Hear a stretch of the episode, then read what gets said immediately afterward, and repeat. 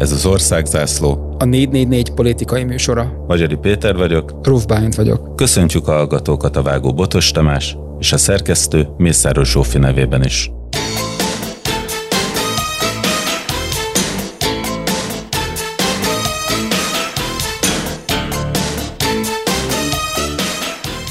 Éppen három éve történt meg a csoda, vagy valami ilyesmi. Három éve volt az az önkormányzati választás, amin az ellenzék elég sok helyen megverte a Fideszt egyetlen alkalomként az elmúlt 12 évben. Illetve, hogy talán azt lehet mondani, hogy nem vesztette el azt a választást, mint az elmúlt 12 évben a többit. Nem is nyerte meg. Szerintem vannak olyan részek, amiben voltak sikerek, ez így van, tehát Budapest visszaszerzése, illetve megyei jogú városoknak megnyerése, és néhány nagy városnak is az elhódítása, de hogyha az eredményt kicsit távolabbról nézzük, akkor ugye akkor is ugye a 19 megyében, a megyei listákon a Fidesz 50% fölötti eredményt ért el. Minden esetre akkor történt meg az a különleges helyzet, hogy sikerült az ellenzéki összefogással viszonylag jó eredményt elérni. Mindenütt, ahol ellenzéki győzelem lett, ott közös jelölteket állítottak az ellenzéki pártok. És ez adott számukra reményt, vagy elbizakodottságot, utólag már könnyű így is nézni, a 2022-es választásra. Illetve azt csinálták, hogy a 18-as eredményeket akkor ilyen számszakilag összeadták ezeken a településeken, és az látszik, hogy, hogy ez igazából valamilyen módon összeadható eredmények ezeken a településeken. És ez nagyon fontos, hogy ezeken a településeken, vagy ezeken a, ezekben a városokban. Ugye itt nagyon két felé bontanám, az egyik az az, hogy ugye Budapesten soha nem volt igazából többsége a Fidesznek, hanem Budapestet az akkor még MSP-SDS koalíció vesztett el 2010-ben, és azért tudott nyerni Talós István kétszer, mert hogy nem volt igazából egységes kihívója. Tízben a bukás után vesztette el a, a fővárost az akkor, akkori, vagy a mostani ellenzék, vagy mondjuk azt mondjuk, hogy a nem Fidesz oldal, tizen évben nem sikerült olyan jelöltet kiállítani, aki mögé be lehetett volna sorolni, de egyébként Budapest nem volt soha Fidesz többségben. Érdekessége, ez majd a beszélgetésnek a vége, hogy igazából most jobban szerepelt a Fidesz a 22-es választásokon Budapesten, mint bármikor korábban. Ennek az összefogásnak a hátulütői bizonyos szempontból nagyon jól megtekinthetőek ezekben a megnyert településeken, önkormányzatokban, mert rettenetesen sok helyen robbant fel a koalíció, vagy indultak be olyan viták, amik paralizálják a döntéseket. Végigmegyünk, kezdhetjük rögtön az Budapest első kerülettel, a Várnegyeddel, ahol most már kormánypárti többség van az önkormányzatban, nem így indult, ugye először két jobbikos szállt ki. És aztán pedig ugye Gerencsér Ferenc listás mandátuma miatt megüresedő helyet nem tudta megnyerni az a, a, a, helyben kormányzó többség. Másik kerület, MSZP-s polgármester, stabilnak látszik, nem? Ott rend van. Igen, stabilnak látszik, sőt, amit az időközi választások mutatnak, hogy az ellenzéki választók mérgesek és büntetik egyébként a, a polgármestereiket, mert szinte mindenhol a Fidesz nyer. Itt a másik kerületben egyébként egy valóban egy egyébként tradicionálisan baloldali részben tudott azért a, a, az ellenzék is nyerni. Van három kerületünk, ahol a polgármester átállt a DK-hoz. Igen, tehát ugye mind a harmadik kerületben, mind a negyedik kerületben és mint a 18. kerületben, kettőben az MSZP-ből a DK-ba, a már harmadikban pedig ugye az a friss, a újpesti Momentum színekben induló, most frissen. Egyrészt lemondott a következő választáson való indulásról, hogy nem, kép, nem polgármesterként fogja magát megméretni, másrészt pedig avval a lendülettel egy pár héttel később meg belépett a DK fővárosi frakciójába, amivel így a DK-nak lett a legnagyobb fővárosi frakciója. Igen, a szocialista polgármesterek átlépése már megtörtént 2020-ban, nem is sokkal a választás után 2020 elején, és ugye igen, a legfrissebb fejlemény az Déri Tibor újpesti polgármester átállással DK-hoz. És ha megyünk tovább a kerületekben, akkor látunk még problémákat. Hatodik kerület, ahol a Momentum és az MSP veszett össze annyira, hogy vége a összellenzéki koalíciónak. Igen, a Soponyi Tamás ott a helyi MSZP erős emberével valamilyen politikai vitába szállt, vagy kerültek egymással, és akkor ott megint ott a, ugye jött az a, és az már több helyen is majd elő fog fordulni, hogy akkor majd megmutatja majd a korábban együtt induló szövetségben egyik tagja, hogy milyen a arcélt lehet adni a saját politikai, politikának. Itt az MSP ebben van, hogy ott megmutatja a saját arcélét a hatodik kerületbe. A hetedik kerületben a DK-nak lett volna módja megmutatni a saját arcélét Niedermüller Péter vezetésével, de hát ott sem teljesen nyugodt a helyzet. Hát, hogy a komputatív személyisége és hogy a a kerületi vezetésnek a képtelensége, nem tudom mi vezetett arra, de ugye itt azt mondják már, vagy azok a plegykák, hogy a DK nem is fogja újraindítani Niedermüller Pétert. Ami ugye azért érdekes történet, mert hogy a Niedermüller Péter a politikai plegykák szerint ezt igazából büntetésként kapta ezt a, a polgármesteri indulási lehetőséget. A DK-ban 19-ben nem gondolták még, hogy a hetedik kerületet meg lehet nyerni, át lehet fordítani, és igazából azért rakták őt oda, hogy legyen egy ember, aki a DK által van oda indítva, úgyis el fogja veszteni, és akkor el fog tűnni a sülyeztőbe. Ugye korábban ő európai parlamenti képviselő volt, innen lett aztán lefokozva, vagy felfokozva, vagy feljebb buktatva, de most arról szólnak a hírek, hogy, hogy nem fogják újraindítani. Pont emiatt a konfrontatív, és hát finoman szóval és furcsa kijelentései miatt elhíresült polgármester. A nyolcadik kerületben, ahol független a kerületi polgármester Piko András személyében, ott pedig az MSP és a DK is kivált a közös összellenzéki frakcióból. E, igen, tehát Piko András a Momentum frakciójában ül függetlenként a fővárosi közgyűlésben, de itt is ugye az történt, hogy itt ugye szintén közösen indultak, ez is egy nyerhetetlen kerületnek számított annó, ugye itt Kocsis Máténak a felhatósága és egyébként az ő politikai hátországa volt, van a nyolcadik kerület, ahol aztán később Sáraboton mostani, most már főispán volt a polgármester.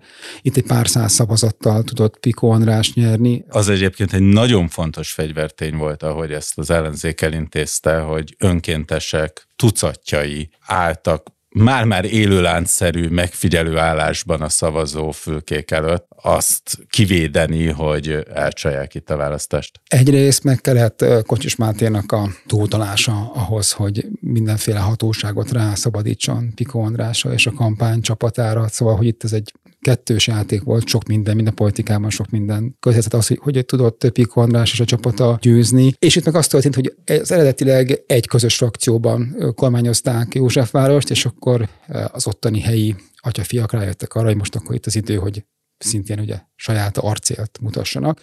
És az új arcél annak az lett a lényege, hogy a DK és az MSZP külön kiült, és most saját arcéllal próbálják megmutatni a választóknak, hogy milyen a MSZP-DK által elképzelt Józsefváros. Ferencvárosban aztán pláne ezek az arc élek sebeket is tudnak ejteni. Baranyi Krisztinát eleve úgy választották meg közös jelöltnek, hogy ezt egyik párt sem akarta. Csak a szavazók? Csak a szavazók, ott kivételesen előválasztás döntött a polgármester jelölt személyéről, és hát Baranyi Krisztán úgy néz ki, mintha mindenki ellenében kényszerülne polgármesternek lenni. Az egyik legutóbbi nagy visszhangot kiváltott történet arról szólt, amikor megpróbálta a képviselőtestület eltávolítani a kerületi lap főszerkesztőjét, Vágvölgyi B. Andrást. De ez talán inkább csak a szimbolikus része annak, hogy ott milyen iszonytató belső viták vannak. Hát igen, szóval is egy nyerhetetlen kerületnek tűnt, amit a Fidesz két kézzel fogott, és hát egy szintén egy hátországa volt a budapesti Fidesznek, amit Paranyi Krisztának sikerült elhódítania. Az amúgy ugye megint még egyszer, tehát a meglévő nem fideszes többséget tudta képviselni, és ott tudott szerintem egy nagyon érdekes és jó kampányjal ami más mutatni. Csak ugye az történt, hogy közben ugye a szereplők alatta, azok ugyanazok a szereplők, vagy a részük ugyanaz, a Fidesz kormányzás alatt is hát részese volt a város irányításának, és nem tudta, vagy hát nagyon nehezen tudta átvinni Baranya Kriszta az akart, hogy valami más csinálják, mint amit eddig csináltak. És ez egy, ugye egy szimptomatikus probléma, és majd szerintem végig fogja kísérni az összes ilyen példánkat, hogy ez igazából egy ilyen nagy sodródás kerületi és meg városi szinten, hogy akkor mit akarnak mi a, mi a városi, mi a kerületi politika, és itt sincs igazán eldöntve. És akkor ugye itt az történt, hogy Baranyi Krisztának is ugye van egy, hát egy erős személyisége, és van egy gondolata, Petőfi túloldalán ott van Új Buda, DK-s polgármesterrel, ahol pedig Momentum DK háború szórakoztatta a közvéleményt. Ugye ez volt az a pont, ahol nem tudtak egy ideig megegyezni, hogy az egyik felszabaduló képviselői helyre melyik párt állíthasson jelöltet, amit úgy vert vissza a Momentum, akik úgy érezték, hogy itt ez az ő helyük, tehát neki kell újra embert indítaniuk, hogy nem választották meg Bősz Anettet főpolgármester helyettesnek. Tehát ez is egy MSP, SDS által vezetett hatalmas kerület volt 2010 előtt, amit az akkori korrupciós botrányok miatt vesztett el a nem Fidesz rész, és ugye 9 évig Fidesz vezetés alatt állt, még egyszer úgy, hogy közben a többség mindig nem Fideszes volt, mint az országgyűlési képviselő, mind a polgármestert a Fidesz adta, és ő 19-ben az egység miatt tudott váltani. Ugye azt történt itt is, hogy Orosz Anna egyéni képviselőként megvérte Simicskó Istvánt 22-ben, és egy listás képviselő pedig bejutott a parlamentbe, és ezért kellett, ugye két üresedés történt, és egy alpolgármesteri szék, és akkor hát úgy érezték, hogy itt a legjobb időpont arra, hogy most összeveszenek egymással, tehát a negyedik kétharmad után, de mégis ugye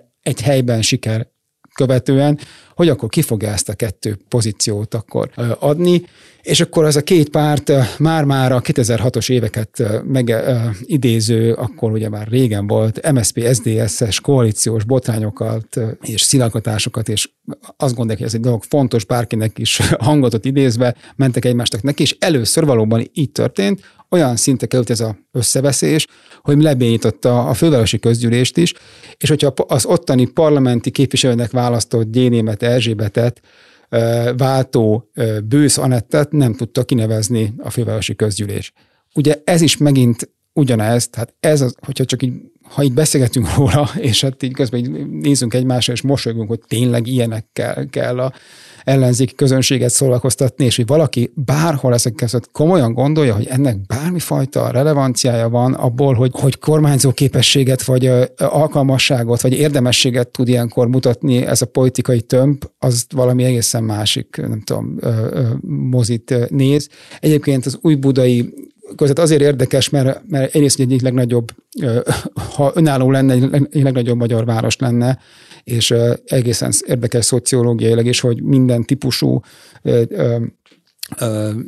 település típus van benne, vannak benne panelházak, vannak benne polgári része, van benne ilyen kisvárosi rész is, tehát ott ugye, hogyha egyébként, hogyha nem erősen összekapaszkodik ez az ellenzéki vagy vezetés, akkor ez egy simán a Fideszhez vissza fordulható terület is lehet, de ehelyett ilyennekkel szórakoztatják a nagy érdemű közönséget. Valószínűleg ennek a célja nem a szórakoztatás, hanem a kimarad utoljára az ellenzéki térfélen egyedül típusú verseny, ami rögtön elindult az országgyűlési választás után. Illetve szerintem ez már rögtön elindult a 12-es választás után, amikor Gyurcsány Ferenc rájött arra, hogy igen, ez egy olyan koalíció, amiben kormányoznak sok helyen, nem csak a kerületekben, hanem a városokban is, amiben ő igazából olyan nagyon jól nem áll. Tehát a fővárosban ugye vannak DK-s polgármesterek, de országszerte nincs, tehát hogy vidéken nincsen egyetlen egyszer. 13. kerület. Az ellenzék megdönthetetlen bástyája, a baloldal fellegvára, az MSP szívcsakrája. De még itt is volt egyébként látványos összefeszülés, ugye itt egy MSP Momentum egymás ellen indulás történt egy időközi önkormányzati választáson, amire nem sok példa volt az egész fővárosban. Igaz, itt megengedhette magának azt a luxust az ellenzék, hogy két jelöltel induljon el, mert így is nyert. Én ezt nagyon külön kezelném, tehát ugye a legutolsó választáson itt Tóth József 82%-ot kapott egy olyan kerületben, aminek ugye az 90-es évek óta a fele lakossága kicserélődött, és nem feltétlenül MSZP-s színekben, hanem szerintem ő Tóth József színekben nyerit, és um, ugye ez, ami ebben a kerületben történik, az a, az a fajta politikai építkezés és politika csinálás, ami egyébként országosan példaértékű kellene, hogy legyen a többi kerületre. Tehát itt volt egy um, kis próbálkozása a Momentumnak, hogy hát akkor ő itt meg tud uh, tapadni, és uh, egyébként az ő szavazóinak tud politizálni, de ezt Tóth József csapata hát körülbelül két perc alatt verte le. Azt mondtam, hogy különleges helyzet volt ez, hogy egymás ellen indult két ellenzéki jelölt időközin, de nem olyan régen történt újra egy ilyen Zuglóban, 14. kerületben, ahol az MSP indított rá az összellenzéki jelöltre valakit, aminek az lett a vége, hogy győzött a Fidesz. Hát ha valahol van igazán nagy balhé és szétesés, az pont zugló. Hát igen, szóval az az egyik legfurcsább helye talán Budapestnek. 14-ben Karácsony Gergely lett a polgármester megválasztva, MSZP-s, P-s, DK-s összefogás által, ahonnan is utána később aztán fölpolgármester lett, de a problémák, amik ott adódtak, és ugye erről a sajtó rengeteget cikkezett és foglalkozott, mind a parkolási rendszer anomáliáival, mint a helyi MSP erős emberének ingatlan ügyeivel, azok szerintem nem múltak el el, és ugye miután ő távozott a főpolgármesterségbe, utána Horváth Csaba, aki egyébként egy ilyen szempontból reneszánsz ember, mert korábban a másik költetést vezette egy cikluson keresztül, ő lett a polgármestere a Zuglónak, és azokkal a problémákkal, amik ott, hogy mondjam, konzerválódtak, azokkal ő hát rugalmasabban tud együtt élni, mint az elődje úgy közben, hogy azért egy kisebb csoda azért mégiscsak itt történt. Ezért vannak itt politikai történések, és amikor arról beszélünk sokszor, hogy az ellenzéki politika csinálás bizonyos dolgokat ilyen adottságként kezel, akkor azért jusson eszünkbe az, hogy azért, ami Karácsony Gergelynek négy év alatt nem sikerült, az Hatházi Ákosnak egy pár hónap alatt igen, és Hatházi Ákos, akinek ugye lényegében semmi köze nincsen zuglóhoz, hanem csak azért választotta ezt, hogy mondjam, indulási helyszínének, mert hogy ott van a legnagyobb probléma, mégiscsak sikerült az ott királyságban lévő Tóth Csabát legyőznie. De Illetve e- hát a Momentum azért küldte őt oda, hogy itt mutassa meg a párt a saját identitását az MSZP-vel szemben, és ne egy saját politikust vigyen be ebbe a harcba, hanem úgymond egy kölcsönzöttet. Abszolút, és ugye ha kevés politikai sikere, és annál több sajnos kudarca volt Fekete Győr Andrásnak, de ez egy politikai sikere volt kétségtelenül, hogy itt meg tudta azt tenni, hogy a Momentum egyedüli jelöltjeként Hatházi Ákos meg tudta verni az egyébként a többiek által támogatott Tócsabát, de most ami az előválasztás. Az előválasztáson, és aztán pedig Hatházi Ákos egy hatalmasat győzött az egyébként még egyszer mondom, szintén nem fideszes többségben lévő zuglóban, de ettől még a helyzet nem változott, és ahogy látom, azért itt, hát itt a politika régi, most a régit úgy értem, hogy a 2010 előtti és aztán a 2010 utáni ilyen túlélési ösztönei határozzák meg, hogy éppen így a válság és a gazdasági összeomlás szélén egy több száz milliárd forintos beruházásba vágott bele Horváth Csaba, ami azért az, a, a helyi, helyi embereknek és szerintem a, talán a lakóknak se annyira a szíve vágya, de ők ezt így csinálják ott évek óta, és ebben nagyon nagy különbség nincsen. Annyiban igen, hogy persze a szavazói, ugye látszik, hogy azért valami mást akartak, ezért is tudtak aztán, és ezért választották meg ugye Hatházi Ákost képviselőnek. Zugló mindig egy ilyen nagyon fura hely volt, ahol is hát politikai oldalak és az ideológiákat azért felülírta a hogy mondjam, gazdaság együttműködése szabályai. Persze, mert jó helyen van, és sok az üres rész, ahová lehet építkezni. Tehát közel van a belvároshoz, és vannak nagy lyukas területek. Ez így van. Ez viszont megadja az irányokat is. 15. kerület, DK-s vezetés. Van balhé? Hát ugye ott kevesebb balhé van, ugye ez egy nagyon régen DK által vezetett kerület, illetve korábban ugye a szocialista vezetése volt. Ugye itt annyi volt a hírekbe bekerülve, hogy a DK által delegált polgármester asszony és a kilakoltatási politikája ellentétben áll talán a többi pártnak a politikájával, és aztán ebből utána a DK valamilyen módon kihat, ki farolt, és aztán az élére állt a kialkotások ellen. Egyébként olyan sok ilyen balhé ebből a kerületből hozzám nem jutott el. 18. kerületről már volt szó, itt volt az egyik átállás az MSZP-ből a DK-ba, a polgármester részéről. 19. kerület Kispest, Momentum MSZP háború, aminek a gyökerei visszanyúlnak még a 19-es választás előttre. Ez ugye szocialista vezetésű kerület volt már a választás előtt is, újra tudott nyerni a szocialista polgármester, akivel szemben a Momentum mindenféle korrupciós ügyeket tárt fel, vizsgálóbizottságot alakított, majd lepattant. És ezzel végig is vettük az ellenzék által megnyert kerületeket, ott van még a főváros. A főváros, ami a legnagyobb ellenzéki győzelem volt, hiszen nem csak a főpolgármester lett az ellenzéki jelölt, hanem többségbe is került a közgyűlésben az ellenzék, ahol amióta ez a győzelem megszületett, azóta Karácsony Gergely főpolgármester mindig elmondja, hogy a legnagyobb siker az az, hogy még élnek. Hogy még működik, hogy a különböző elvonások ellenére a fővárost képes működtetni, és a kerületekben látott rettenetes politikai harcok ellenére sikerült egyben tartani ezt a koalíciót. Siker? Hát, hogy mi a siker, az igen, tehát hogyha úgy nézzük, hogy járnak-e a, a buszok reggelente, elviszik-e a szemetet reggelente, akkor valóban üzemeltetési szempontból ez egy siker. Annyiban, mint amikor a lehetőséget ez a, a főpolgármesterség és a főpolgármesteriségi többség adott 19-ben a, az ellenzéknek, vagy nem fideszeseknek, annyiban viszont szerintem egy kudarc.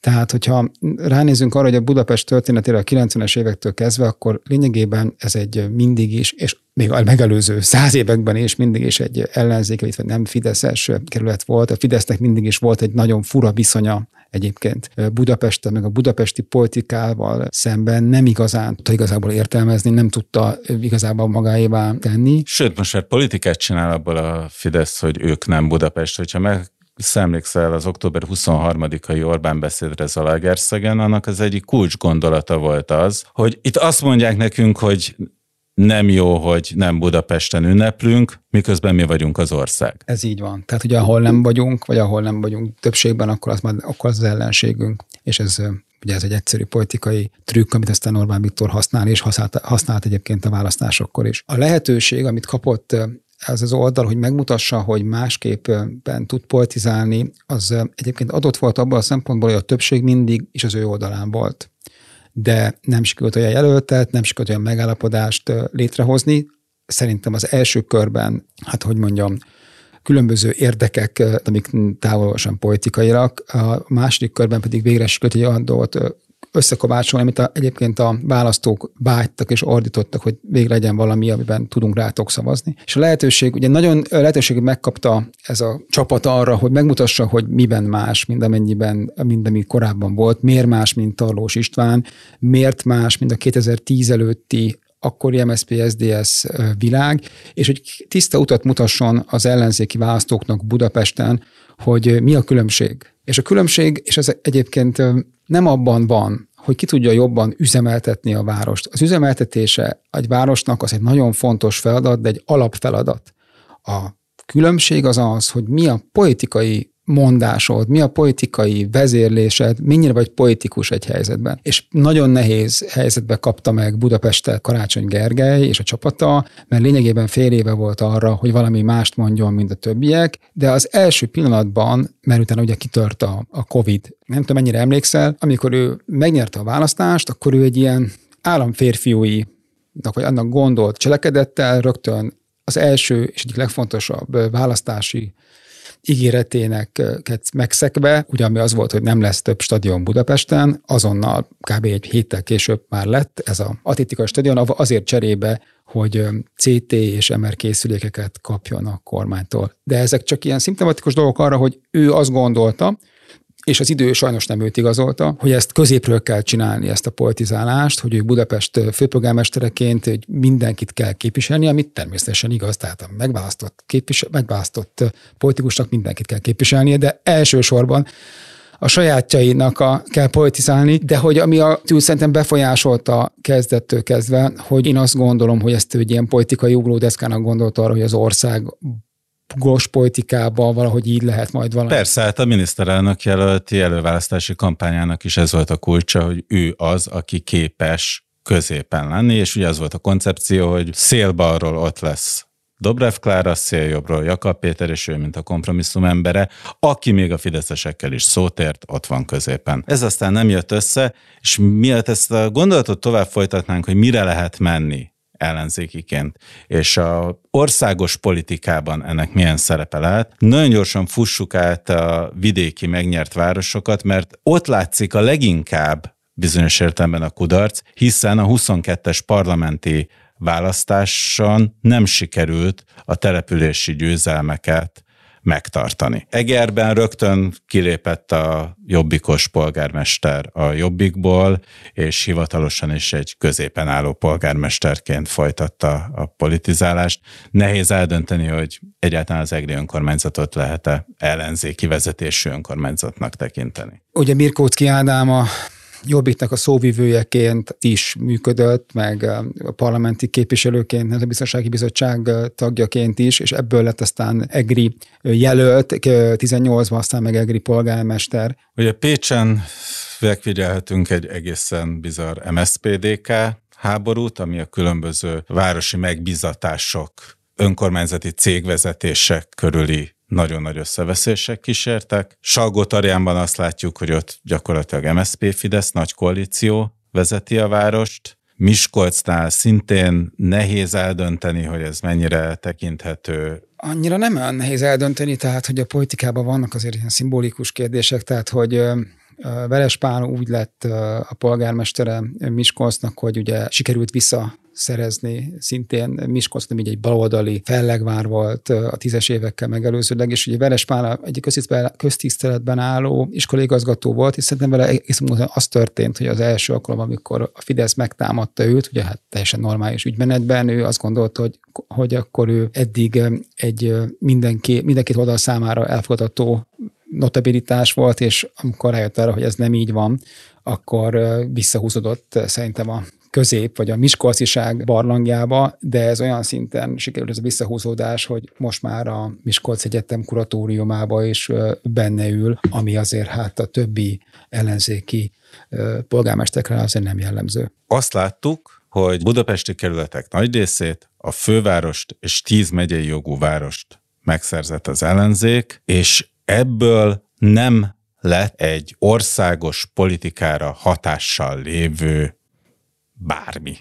Lehetne egyáltalán ilyen? Ezt azért kérdezem, mert ez egy visszatérő elem az ellenzék kritikájában számon kérni rajtuk, miért nem csináltak közös sajtót például. Miért nem dobtak össze pénzt közös dolgokra? Miért nem indít, tudtak olyan mozgalmakat indítani, akár helyi népszavazások sorával, ami országosan látványos és hatásos lehetett volna. Ugyanakkor volt néhány nagyon komoly akadályozó helyzet. Az egyik az, hogy ezek mindenféle nagyon színes koalíciók, amikben valamilyen szinten a világ összes koalíciójában benne van, hogy itt lesznek konfliktusok sokkal inkább, mint az egypárti vezetésű bármilyen intézmények élén. Elképesztően legyengítette a Fidesz kormányzás az önkormányzatokat, elvett tőlük mindent, elvett tőlük iskolát, elvett tőlük kórházat, nem engedi őket hitelt felvenni, nagyon megnyírbálták a költségvetésüket, gyakorlatilag, ahogy ezt Budapest esetén mondtam, örülnek, ha élnek, és hogyha a kötelezőt meg tudják csinálni. Ez szintén visszatérő érv minden önkormányzati vezetőtől, még a fideszesektől is, hogy alig maradt mozgásterük. És a harmadik probléma jött a COVID, ami pedig paralizálta az egész helyzetet, és még több pénzt vettek el tőlük. Egyáltalán lehetett volna ezt szerinted remélni, és mennyire jogosak ezek a kritikák, hogy nem jutottak országos politizálás szintén semmire, és nem alakítottak valamilyen nagy szövetséget egymással? Kicsit hátrébbről kezdeném. Már régen volt is történelem, de 2006-ban az összöti beszéd után egy váltás történt, az akkor lényegében az MSZP SZDSZ által dominált városoknál megfordult az arány, és a Fidesz került többségben. Ugye szeptemberben volt az összedébeszéd, és októberben voltak az helyhatósági választások, és ekkor a Fidesz egy hatalmasat nyert, ennek két komoly politikai oka lett később. Egyrészt a Fidesznek sikerült egy hálózatba szervezni a saját maga erőforrásait, kettő pedig az akkor liberális párt lényegében megszűnt vidéken létezni. De ez kevésbé érdekes, ami érdekes, az a hálózatiság. Tehát ők rájöttek arra, hogy ugye itt vannak települések, mégis a kormány színe ugye MSP, SDS, de ők fideszesként elkezdenek ellenzékből építkezni, összekötik a meglévő erőforrásokat, és feljebb emelik. Ugye ennek egyik szintje a, a média támogatása, az akkori ugye ellenzékben lévő hírtévének a finanszírozása, a különböző médiumoknak, lásd akkor még ellen, Fideszes heti válasznak a szponzorációja, plusz az a fajta képzés, amit abból ad, hogy igen, kezd el a legelején, a legalján, és lép fel a létrákon, tanulj meg kormányozni, tanulj,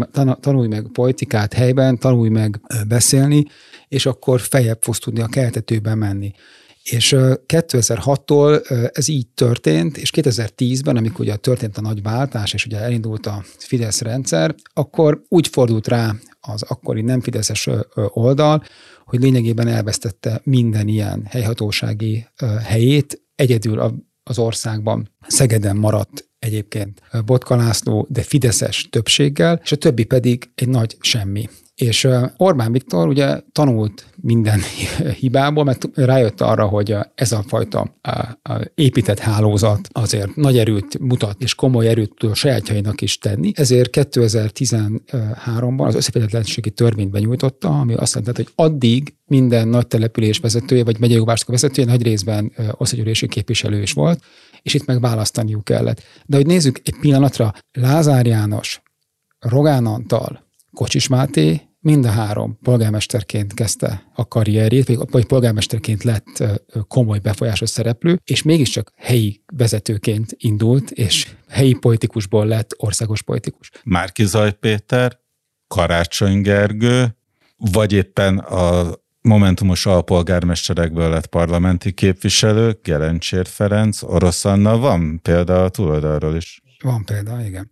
Szóval, és ezután, 14 után a nagyon kevés olyan pozíciót tudott az ellenzék 19-ig visszaszerezni, ami korábban megvolt, lényegében 19-ig Szeged, Salgótán és ugye 17-ben Hódmezővásárhely lett újra ellenzéki vezetésű, és 19-ben lett nyílt meg ez a, amit mondtál, és az elején nagy lehetőség, hogy akkor lehet valami más csinálni. És hogy akkor nem történt meg az, hogy rájöttek volna ezek a vezetők, és nem, ez nem csak egyénekkel múlik, hanem inkább a közös akaratban, hogy valami most megnyílt nekünk. Van egy lehetőségünk, hogy végre azt a középső szintet elfoglaljuk, hogy közel tudunk kerülni a választókhoz, meg vagyunk választva, meg vagyunk szavazva egy pozícióra, ahol politikusnak kell lennünk. A politikai célunk a következő. Szeretnénk megmutatni azt, hogy a városunkat lehet másképp vezetni, ami még egyszer nem abban merül ki, hogy kevésbé van kátyú az utcákon, ez az alapjárat, hanem van egy politikai változás. Ezért lettem megválasztva.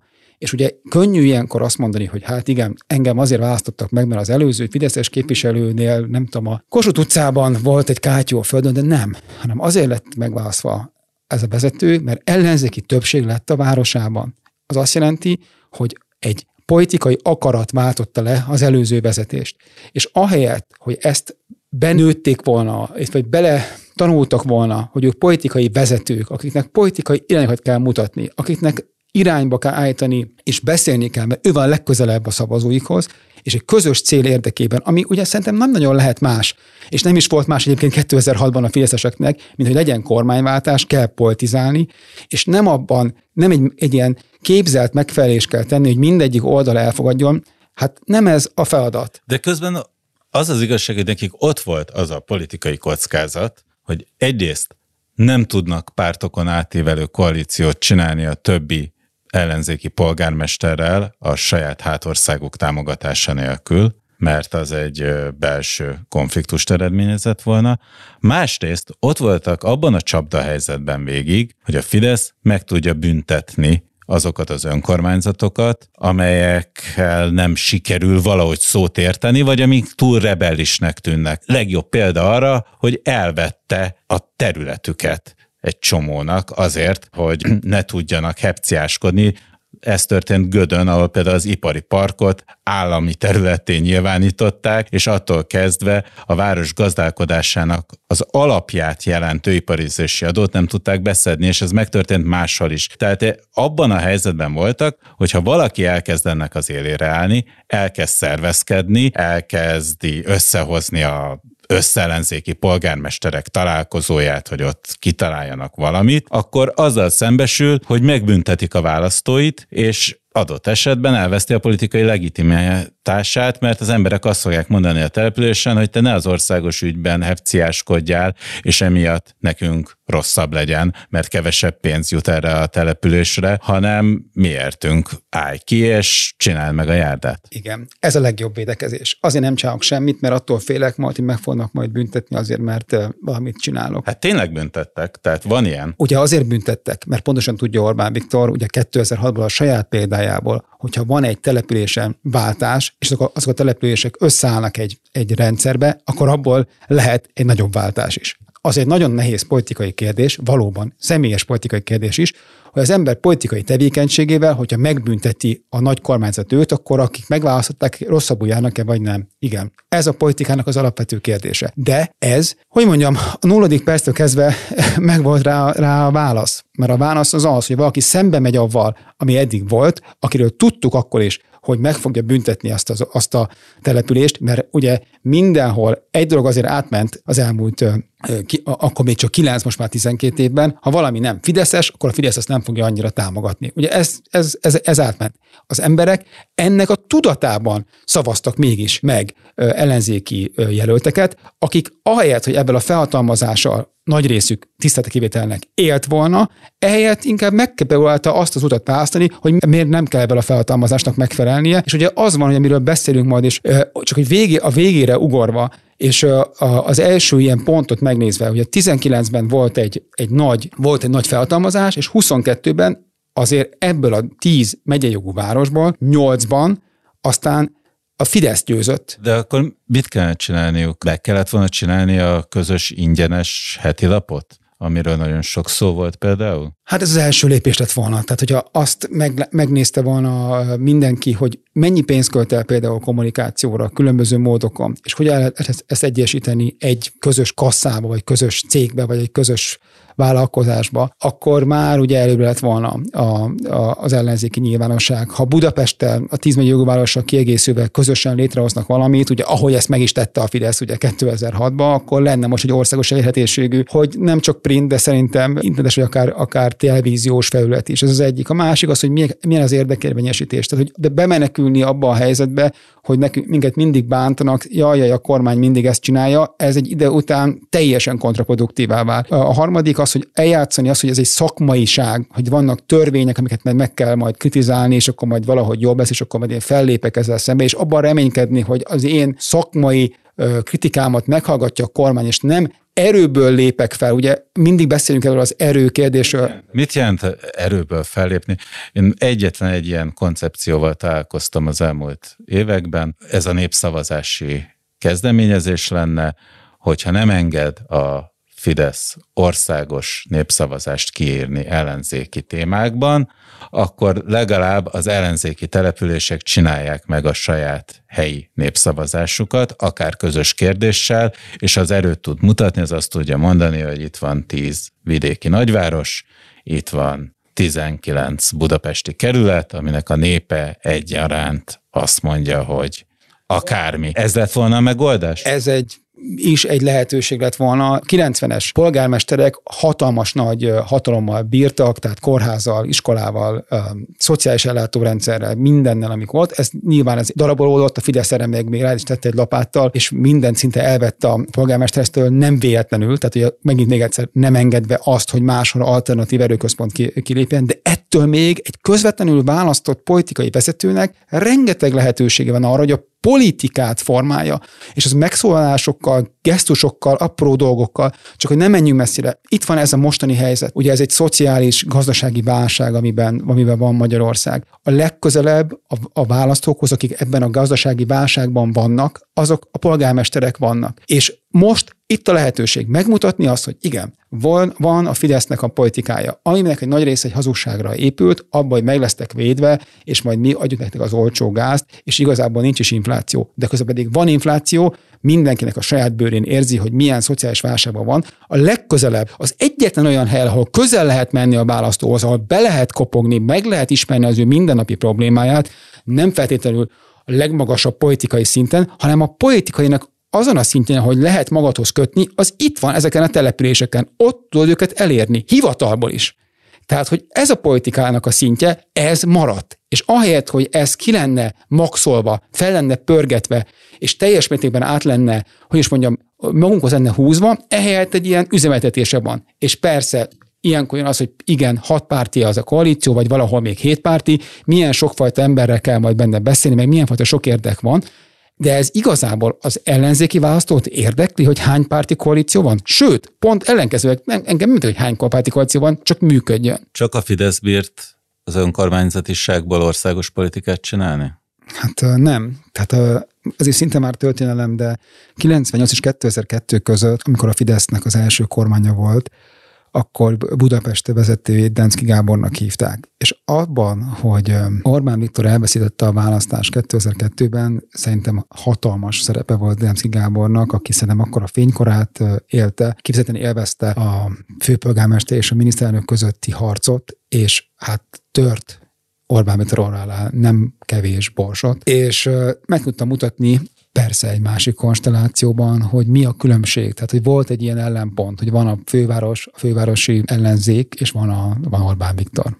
2024-ben lesznek legközelebb önkormányzati választások, és egészen kivételes módon egy időben tartják majd az európai parlamenti választással. A Fidesz előre hozta fél évvel az önkormányzati választást, aminek két nagyon bizarr következménye lesz. Az egyik az, hogy májusban lesz ez a közös választás, miközben októberig tart a mostani megválasztott garnitúra mandátuma. Tehát lesz egy olyan fél év, amikor már lehet tudni, hogy ki lesz a következő polgármester, de még a régi van hatalman. Ez egy egészen bizarr és furcsa helyzeteket fog eredményezni. A másik pedig az, hogy ha egy időben van az EP választással, akkor ezzel végképp nagyon nehéz helyzetbe kerülnek az ellenzéki pártok, akik össze akarnának fogni, hiszen azt már elég határozottan mondták, hogy az EP választáson egymás ellen akarnak elindulni, és egy nagy, óriási közvéleménykutatásnak, egy nagy, óriási előválasztásnak fogják